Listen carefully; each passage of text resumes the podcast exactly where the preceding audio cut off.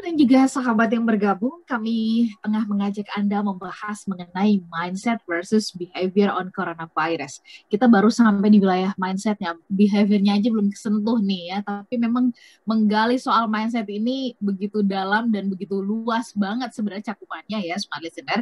Dan sebelum kita membacakan komentar-komentar dari Anda, baik yang uh, sudah memberikan komentarnya, tanggapannya melalui YouTube atau juga melalui WhatsApp ya, saya mau mengajak Anda untuk kita menggali. Saya penasaran, apa sih sebenarnya yang membuat uh, pikiran seseorang atau mind seseorang ini nih uh, begitu sulitnya untuk berubah? Karena kan kita lihat pemerintah tidak udah-udahnya melakukan berbagai upaya ya.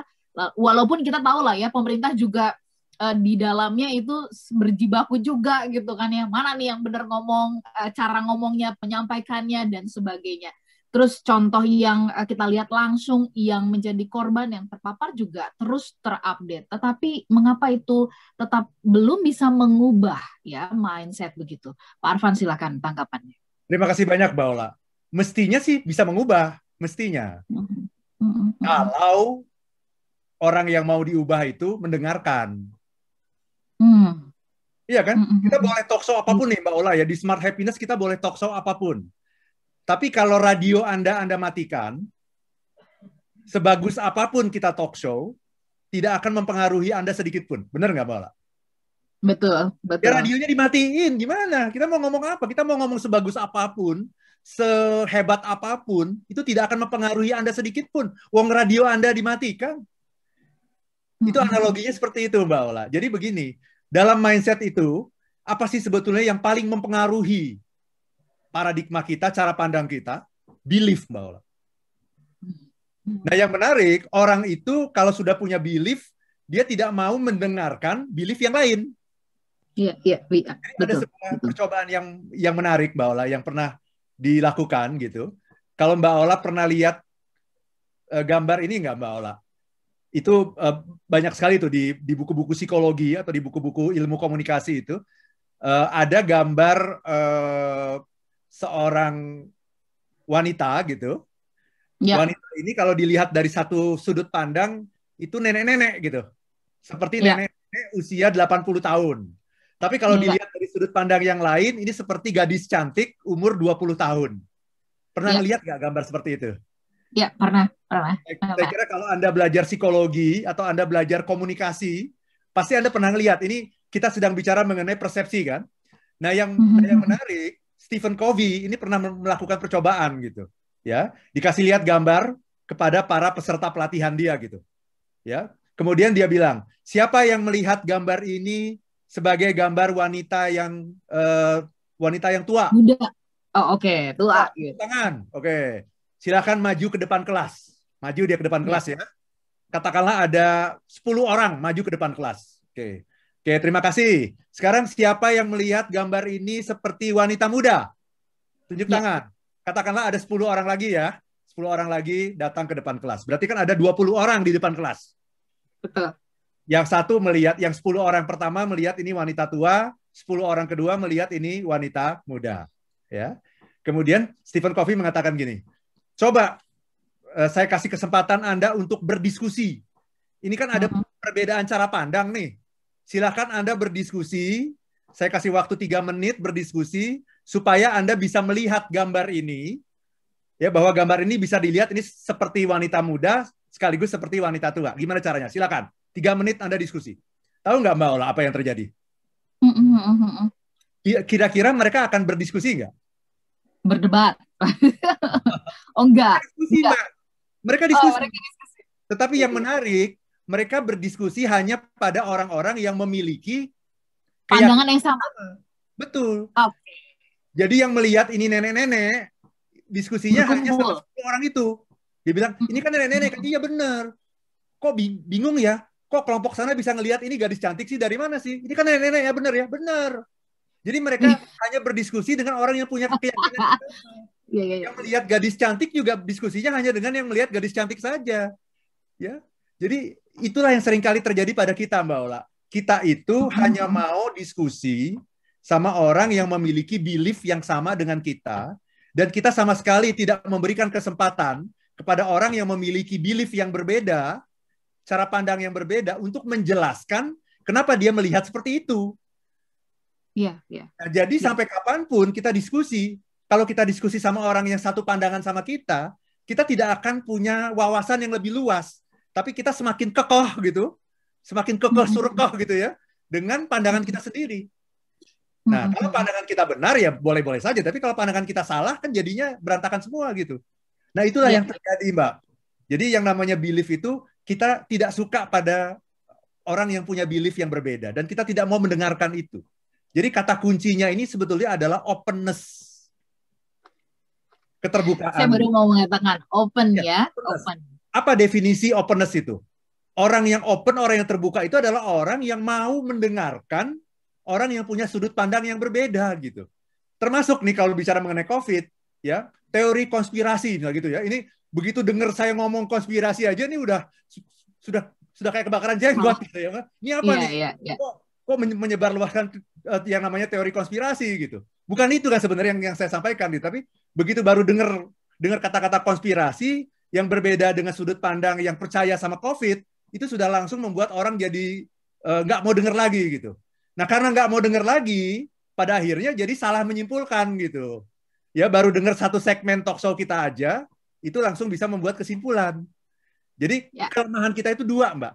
Kelemahan pertama adalah tidak suka pada perbedaan pendapat, ya, hanya mau mencari pendapat yang memperkuat belief kita sendiri. Yang kedua adalah cepat mengambil kesimpulan, tapi tidak mau belajar, tidak mau mendengarkan gitu. Dengar satu kata langsung bikin kesimpulan, oh Pak Arfan seperti ini gitu. Iya, iya, iya. Kelemahan kita ya. itu itu sebetulnya yang membuat mindset kita itu sulit untuk berubah gitu.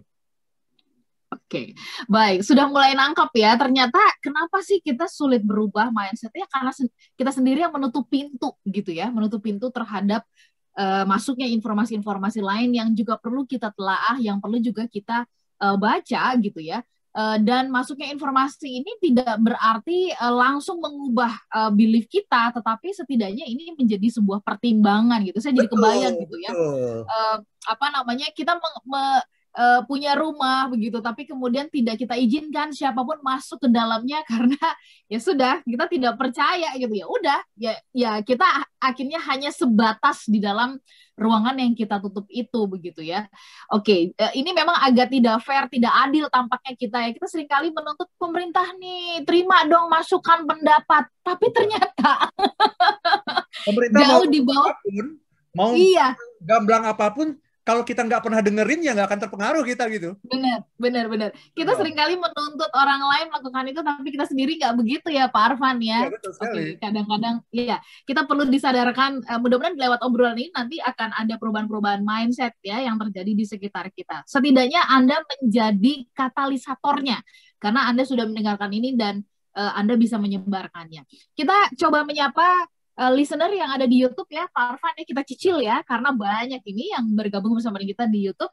Saya mau menyapa Anda, ada Pak Pramudia Herlambang, selamat pagi Coach, sehat selalu. Oke, ini pasti yang sudah uh, sering kali di coaching oleh Pak Arfan ini. Ada Teti Febrianti, ISM, selamat pagi Smart FM, terima kasih, sukses juga untuk Anda. Ada akun Lilil, Pak Arfan, Mbak Ola, dan Smart FM. Terima kasih Anda menyapa kami. Ada Pak Edward Suyanto, ada Zafira Fira. Assalamualaikum Pak Arfan, dan juga Mbak Ola. Semoga kita dalam lindungan Allah Subhanahu Wa Taala dan terhindar dari COVID-19. Amin. Oke. Okay. Uh, kemudian juga ada Ketut Setiawan. Selamat pagi Pak Arfan dan Mbak Ola. Stay safe dan health. Oke, kemudian Husin Gemilang, ada Pak Yogi Gumelar, Alhamdulillah luar biasa. Pak Iskandar Syah, bagaimana cara inisiatif untuk mempengaruhi orang? Nah, ini mungkin nanti kita bahas, ya. tapi saya mau menyapa Anda dulu yang ada di WhatsApp ya. Saya menyapa ada Ibu Linda di Kelapa Gading. Uh, terima kasih kalau berkaitan dengan COVID-19, saya merasa menjadi tahanan rumah setahun lebih nggak pulang, nggak bisa pergi ke Jogja.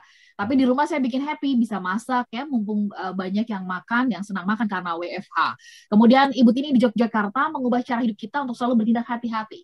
Banyak penipuan, pencurian, banyak perilaku yang memprihatinkan sehingga kita harus selalu waspada dalam segala hal. Banyak hal yang baru yang kita temui dan kita harus percaya sesuatu yang selama ini hidup tuh rasanya fine-fine aja begitu ya. Nah, kalau sekarang ujian beratnya rasanya kita juga menghadapinya bersama-sama begitu. Kemudian ada Ibu Laniwati Hartono, uh, terima kasih mindset sudah dirubah karena terbentuknya mindset perlu waktu lama ya dimulai dari kebiasaan-kebiasaan yang dilakukan terus-menerus dan jangka waktu yang lama sehingga merubah mindsetnya juga perlu waktu dan peristiwa dahsyat untuk membongkar katanya. Ada Bung Roy, pandemi ini bisa hilang dalam sebulan jika semua pengurus yang beribadah di rumah ibadah menggunakan masker semua. Masalah mindset dalam masalah corona ini kembali ke keluarga dan juga lingkungan. Uh, betul, uh, mungkin Bung Roy juga uh, ada benarnya karena sekarang ada banyak sekali klaster keluarga ya. Kita sangat prihatin sekali dengan meningkatnya klaster keluarga ini. Kemudian ada Ibu Teti di Cibubur, maraknya COVID-19 ini bahkan timbul virus terbaru yaitu tipe B112. Kalau tidak salah ini dari Inggris. Benar tadi Pak Arfan juga sudah ma uh, sudah mention harus pertanyaannya harus memiliki mindset seperti apa untuk meyakinkan bahwa virus itu benar-benar ada dan bila mungkin ada yang terkena virus uh, ini, mindset seperti apa agar menghadapinya dengan happy ya uh, bisa menaikkan mental kita. Oke, Pak Arfan itu uh, beberapa tanggapan-tanggapan ya yang masuk melalui WhatsApp satu lagi dari sebentar sebelum kita jeda yang terakhir ini saya bacakan dari Pak Subari ya. Uh, sehat senantiasa buat bersama dengan keluarga. Mas Arfan materinya bagus banget, gamblang, ba gamblang banget pencerahannya dengan bahasa yang lugas dan mudah dicerna. Semoga masyarakat lebih paham dan terjadi perubahan mindset. Terima kasih Pak Subari. Nah ini dia, uh, karena mendengar jadi Pak Subari bisa mengatakan bahwa ini uh, gamblang dan uh, bahasanya lugas. Nah bagaimana kalau tadi sepotong waktu mendengarkan Pak Arfan mengatakan ya ketika saya dulu pernah menganggap wah itu dipotong terus. Pak Arfan ini narasumber gimana Viral, sih ya? saya laporin ke Satgas tapi salah gitu ya. Iya. Kita sambung nanti di sesi berikutnya ya, ya Pak Arfan karena ini tadi menarik ada yang me, mem, apa mengatakan bahwa mindset itu terbentuk dari behavior. Atau sebaliknya mindset itu yang mempengaruhi munculnya behavior kita. Ya. kita bahas nanti di sesi berikutnya. Smart listener tetap bersama dengan kami Nah, dan juga sahabat yang bergabung, Anda masih ingat nggak sih di awal-awal uh, ketika kita menghadapi COVID-19 ya, kita banyak sekali komplain, kita, terus kita marah ya dengan perilaku-perilaku dari orang-orang uh, ya itu bisa kita sebut sebagai mungkin youtuber atau apa pun begitu, yang di sosial media mereka mengatakan bahwa uh, saya tidak takut dengan COVID uh, dan sebagainya dan sebagainya, lalu kemudian membuat uh, konten ya di di uh, akun mereka yang uh, akhirnya semua orang marah karena dianggap mementingkan diri sendiri. Padahal pemerintah sudah menyuruh untuk mempergunakan uh, masker ke mana-mana ya. Uh, dan kemudian harus menjaga jarak dan sebagainya. Tapi justru pada saat berbincang orang tersebut benar-benar yang uh, apa ya melecehkan seolah-olah ngapain sih pakai masker gitu ya kelihatan kayak orang bodoh. Dan kemudian dia mengatakan bahwa saya sesak nafas nih ketika ketika menggunakan masker ketika ada yang menegur itu gitu. Nah um, di di sisi yang lain ternyata uh, kelakuan atau perilaku atau behavior ini ini kan mendapatkan uh, tanggapan yang beragam. Nah, ini nih yang kita mau bahas lebih lanjut ya. Mindset yang dipengaruhi oleh behavior kah atau mindset ini yang akhirnya menghasilkan behavior yang salah? Ini yang kita mau tanyakan kepada Parvan, tapi saya mau menyapa dulu ada Pak Eko Mugaryanto dari Palangkaraya. Terima kasih bergabung bersama dengan kami pagi hari ini. Luar biasa katanya pagi hari ini Pak Arfan untuk materinya ya. Terima kasih banyak Pak Arfan silakan. Nah ini bicara tentang uh, behavior ini. Ini banyak yang ber, uh, bertanya atau juga pemikiran kita ini kan beragam ya. Tadi ada yang mengatakan bahwa mindset mempengaruhi behavior, tapi justru ada juga yang berpikir behavior itu menghasilkan mindset. Nah, ini gimana Pak Arfan? Ya, uh, sebelum saya sampai ke sana ya Mbak Ola, saya ingin membahas dulu tadi kan Mbak Ola bilang tadi ya, di hmm. awal COVID-19 ini ada banyak uh, orang yang bikin konten konten-konten di YouTube dan sebagainya, menunjukkan bahwa mereka nggak percaya dan sebagainya gitu ya. Nah, kesalahan hmm. kita Mbak Ola adalah menjauhi orang-orang yang seperti ini. Hmm, ya, kalau saya nih, kalau saya justru saya seneng nih kalau ada orang yang berbeda pendapat, kita ajak dia diskusi, Mbak. Ya. Karena begini, gini Mbak Ola ya, kalau misalnya Mbak Ola adalah orang yang tidak percaya sama COVID ya, contoh ya. Contoh, oke. Okay. Nah. Ini contoh loh ya, Pak. Nanti kalau di, Nanti dipotong langsung viral. Di sosial media, ya. betul. Ya? Betul, Ola iya. Nurliga nggak percaya COVID gitu kan. iya. ini contoh ya, contoh ya. Misalnya Mbak Ola adalah orang yang tidak percaya kepada COVID-19. Terus Mbak Ola dengar ada sebuah talk show. Nah, Mbak Ola lihat kan pembicaranya siapa kan? Mhm. Ternyata pembicara talk show ini adalah semuanya orang-orang yang percaya sama COVID-19. Mhm. Mbak Ola mau denger nggak? Enggak. Enggak. Oh ini pemerintah. Oh ini menteri. Oh ini jubir pemerintah. Ya, jelas gitu ya. Mbak Ola akan mengatakan, ini mah bukan diskusi ini namanya indoktrinasi. Benar nggak? Iya, betul, betul. Yang namanya diskusi itu harusnya menghadirkan siapa? Pihak Orang yang, yang berbeda pandangan. Berseberangan. Ya, ya, ya, Dan yang menarik adalah, ya kalau kita tidak menghadirkan pihak yang berbeda pendapat, yang berseberangan, orang-orang yang nggak percaya itu nggak mau dengar, Mbak. Akhirnya apa? Orang-orang yang tidak percaya itu tidak akan mendapatkan apa pun, kebaikan apa pun. Karena ketika kita mau mendengarkan sebuah talk show, Mbak, itu kan kita pasti milih-milih lihat nih. Ini pembicaranya siapa? Oh, orang-orang pro pemerintah semua nih. Oh, ini orang yang percaya sama COVID semua nih. Padahal belief saya, saya tidak percaya COVID. Oh, ini mah bukan diskusi, ini namanya indoktrinasi.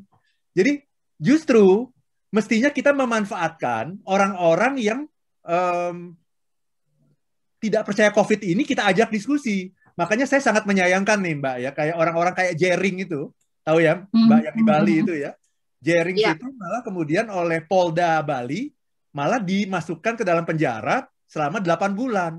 Justru sebetulnya mm -hmm. kalau Jering ini diajak muncul, nggak apa-apa.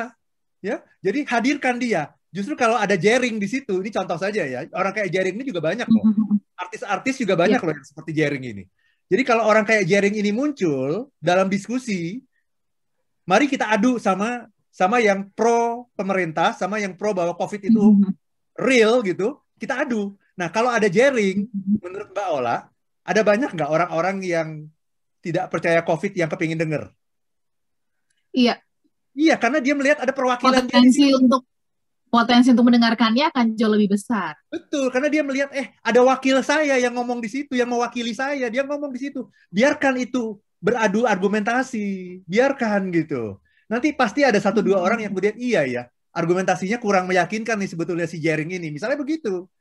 Nah kalau kita tidak menghadirkan mereka orang-orang seperti itu maka talk show kita diskusi kita tidak akan mau didengarkan. Karena orang bilang ini mah indoktrinasi bukan diskusi gitu. Jadi orang-orang seperti ini jangan dijauhi. Nah inilah yang namanya strategi komunikasi mbak. Jadi mari kita ya. manfaatkan. Kalau memang kita merasa bahwa kita benar nih mbak. Kalau kita merasa bahwa pendapat kita benar, tentunya pendapat kita kan didukung oleh bukti-bukti dan fakta-fakta kan? Betul. Jangan betul, takut, betul. jangan takut berdebat, berdiskusi sama orang yang berbeda pendapat dong. Betul. Kalau kita yes, masih takut, yes. iya kan? Kalau kita masih takut diskusi dengan orang yang berbeda pendapat, itu tanda apa Mbak Ola? Ya, kita nggak open mindset sebenarnya. Kita... Bukan hanya itu. Itu tanda kita tidak terlalu yakin bahwa kita benar. Oke, okay. itu ya, justru ukurannya ya kita sebenarnya nggak terlalu yakin sehingga nggak mau diganggu nih, nggak mau digoyah gitu ya Betul, kita takut, ini dengan pendapat dari orang lain. Karena takut nanti kita kalah dalam perdebatan itu. Ya, ya, ya, ya. Yang saya ingin saya, katakan, saya, uh -uh. yang saya ingin katakan kalau anda benar-benar yakin, anda punya data dan fakta, ayo justru anda ajak orang-orang yang nggak percaya itu debat, sehingga nanti yang menyaksikan akan banyak sekali orang-orang yang merasa terwakili dengan orang-orang yang tidak percaya itu dan pada akhirnya ya mereka akan sedikit banyak akan terpengaruhi gitu. Itu Mbak Ola. Oke. Okay. Baik, ini saya jadi ingat tadi Bapak mengatakan ya, dal kalau dalam sebuah diskusi itu yang semuanya sepakat itu namanya nggak diskusi. Makanya uh, di Smart FM sendiri ini ada sebuah uh, forum diskusi, uh, talk show perbincangan yang seru banget yang saya ingat di awal-awal COVID-19 ini ada, kita, kita mengundang itu orang dari berbagai uh, pandangan, ya, baik pandangan yang setuju, yang nggak setuju, yang ragu-ragu, yang datar-datar saja gitu ya dalam program perspektif Indonesia. Wah itu uh, sering kali bahkan terjadi perdebatan pada saat kita diskusi gitu ya saling nah, itu bagus sekali Mbak Ola, itu bagus sekali. Iya, itu saling memberikan apa namanya uh, catatan ya data berdasarkan uh, pemikiran mereka dan itu benar-benar memang jadi hidup sih Pak Arfan betul saya setuju dengan yang Bapak katakan ya bahwa yeah. justru ketika ada perbedaan pendapat kita berdiskusi tetapi kan ini uh, Bapak melihat uh, bagaimana kesiapan dan dan uh, apa ya ketahanan mental kita nih dalam uh, berdiskusi ketika berbeda pendapat. Tampaknya ini belum merata nih. Menurut Parvan bagaimana? Nah, justru itu yang menjadi misi saya nih, Mbak Ola, dengan saya menulis buku okay. ini. Jadi buku, buku saya itu nanti judulnya ini, Mbak. COVID-19 is real gitu ya. Terus nanti ada sebuah tagline begini. Seorang motivator yang tidak percaya COVID ternyata terkena COVID. Nah, itu, akan, itu akan jadi sesuatu okay. yang sangat menarik tuh. Seorang motivator yang tidak percaya COVID tahu-tahu terkena COVID. Nah, kemudian ada banyak hal yang Baik. terjadi, Mbak Ola. Jadi memang kita harus jadi orang yang open dan kalau kita mau uh, orang itu hanya berani open kalau dia punya data dan fakta. Kalau dia nggak yakin bahwa dia bisa memenangkan perdebatan, maka dia nggak mau diajak berdiskusi. Dia nggak ya? mau diajak diskusi karena wah data saya juga iya. kurang nih. Nanti kalau tahu-tahu hasil diskusi saya ternyata yang menang itu adalah Jering yang mengatakan bahwa COVID itu tidak ada. Terus gimana? Nah jadi supaya ya. kita jadi orang yang open itu ada syaratnya juga. Anda harus jadi orang yang kompeten. Anda harus siapkan diri Anda dengan data dan fakta dan argumentasi. Kalau tidak, Anda akan takut. Dan ketika Anda takut, Anda akan hanya akan mencari orang-orang yang sependapat dengan Anda. Dan Anda akan gagal meyakinkan orang-orang yang tidak percaya itu. Padahal target kita orang yang tidak percaya itu, Mbak Ola. Karena orang yang tidak percaya itu bisa menularkan ketidakpercayaannya kepada orang lain. Bisa loh, Mbak Ola. Ya, ya. Baik, Pak Arfan, eh, tampaknya kita butuh uh, segmen kedua nih nanti ya, part kedua untuk membahas mengenai behavior ini karena behavior ini kan sangat mempengaruhi uh, kita akhirnya ya um, apa namanya uh, ya sikap kita jadi kemudian tidak peduli dengan penggunaan masker, jaga jarak, bahkan mungkin membuang ludah sembarangan yang yang pada akhirnya ini kan berujung kepada uh, ya nakes-nakes yang ada di seluruh Indonesia gitu ya yang berjuang juga untuk membantu kita kita kayaknya butuh segmen kedua yeah. minggu depan kita bahasnya mengenai behavior ini begitu. Yeah. Uh, tetapi terima kasih untuk kesempatan pagi hari ini Pak Arfan sudah berbagi bersama dengan kita. Minta maaf karena waktunya yang sangat sempit kita harus sudahi perbincangan ini. Mudah-mudahan Anda bisa menangkap Uh, secara utuh apa yang kami bahas. Terima kasih juga buat Pakar Moses, kemudian Ibu Warda di Cibubur, dan terima kasih buat Anda yang menyimak kami melalui YouTube channel Smart FM. Siaran ulang dari program ini ada di hari Minggu jam 7 malam ya. Dan uh, silahkan Anda menyimak kembali bagaimana perubahan yang benar atau mindset yang benar yang kita miliki dan itu dipengaruhi oleh faktor apa saja. Kami pamit, saya sehat untuk Pak Arfan, saya Ulang Lija. Dan saya Arfan Pradiansyah. If you know be happy, be, happy, be happy now. now. Oke. Okay.